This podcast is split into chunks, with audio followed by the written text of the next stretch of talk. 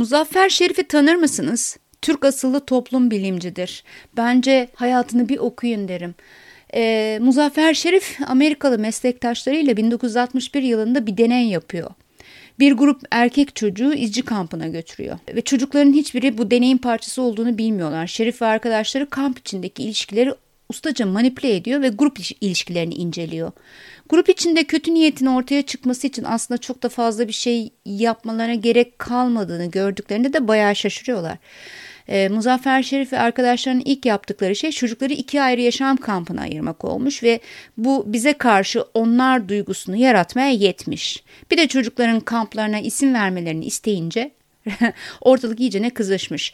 Ee, bir grup kartallar diğer grupta gevezeler isimlerini alıyorlar ve artık iki grubun birbirine karşı savaştığı bir ortam oluşuyor. Bir grup diğer grubu aşağılamaya başlıyor. Rekabete dayalı aktiviteler düzenlendiğinde özellikle e, durum iyicene kötüleşiyor. Birbirlerine sinsiler, hileciler, sinir bozucular falan demeye başlıyorlar. Birbirlerinin bayraklarını çalıyorlar. İşte tehdit e, edici afişler asıyorlar. Çadırlarını yakmaya kadar varıyor iş.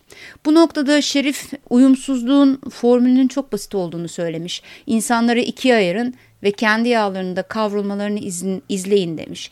Arada bir de rekabeti biraz daha arttırıcı aktiviteler hazırlayın. Bakın gruplar arası artan nefret nasıl oluyor.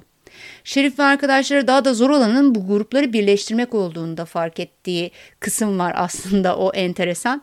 Biz bu düşmanlığı nasıl yok ederiz diye düşünüyorlar ve işte e, birlikte bir takım güzel aktiviteler planlıyorlar. İşte sinema seyretmek, piknik yapmak gibi bir takım aktiviteler. Fakat sonuç daha da felaket oluyor. Çocuklar iyicene birbirlerine giriyor. İtiş, kakış, hakaretler falan.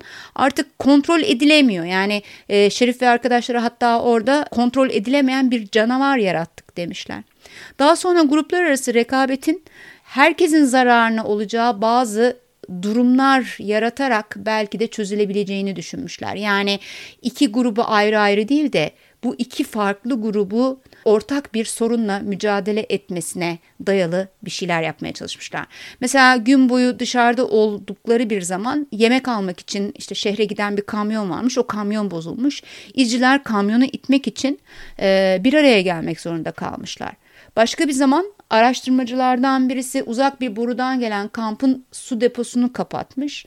E, ortak bir krizle karşı karşıya kalınmış tabii ve gün bitmeden bu sorunun çözülmesi gerekiyormuş. Birlikte çalışmak zorunda kalmışlar izciler.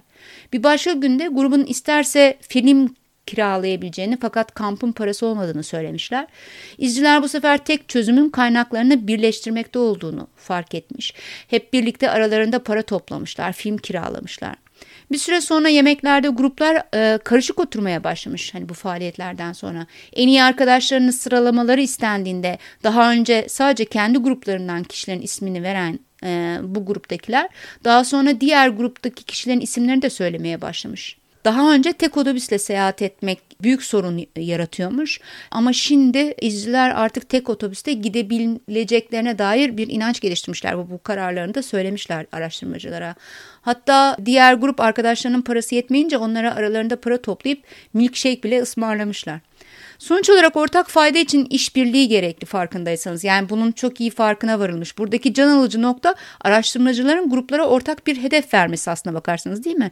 Rakip üye, e, grup üyelerinin birbirlerini arkadaş, yardımcı, dost, dostun dostu olarak görmelerini sağlayan şey aslına bakarsanız hedeflere ulaşmak için yapılan işbirliği öyle değil mi?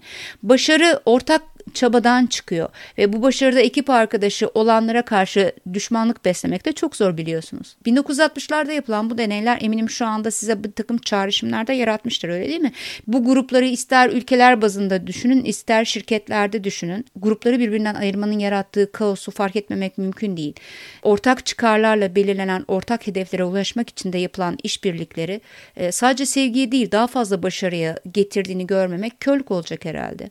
Yani özellikle hani ülkeler bazında bakarsak din, dil, ırk, cinsiyet gibi ayrımların ne kadar büyük kaos yarattığını görüyoruz. Şirketler tarafından bakacaksak hani okul, görevler, ünvanlar, birimler arası rekabet gibi e, noktalarda da şirketlerin nasıl bir kaosa girdiğini e, hepimiz görüyoruz yakından. Bu nedenle biz insan kaynakları profesyonelleri olarak hani bozuk plak gibi sürekli şirketlerin somut hedefleri olmalı, her birimin hedefleri olmalı ama şirket hedeflerinde bunların birleşmesi gerekiyor. Ortak bir bilinç, ortak bir kültür olmalı deyip oturuyoruz ya işte aslında bakarsanız bundan söylüyoruz. E, söylemeye de devam edeceğiz. Aklı başında vatandaşlar olarak e, ne diyebilirim? Yani din, dil, ırk, cinsiyet ve bir sürü kavramlarda insanları ayrıştırmanın sonuçlarının ne kadar ağır bedelleri olduğunu hepimiz biliyoruz. Medeni ülkelerin vatandaşları aslına bakarsanız tek bayrak, e, tek vatan, tek dil altında toplayabilmenin ne kadar önemli olduğunu burada fazla da uzaklarda aramamak lazım. Yani işte araştırmacılar bu tip araştırmalar yapıp zaten önümüze koyuyor değil mi? Bizlerin aynı şeyleri tekrar tekrar denemeye ne zamanı ne enerjisi var. Umarım sesimiz bir yere ulaşıyordur. Ne diyeyim? Görüşmek üzere. Hoşçakalın.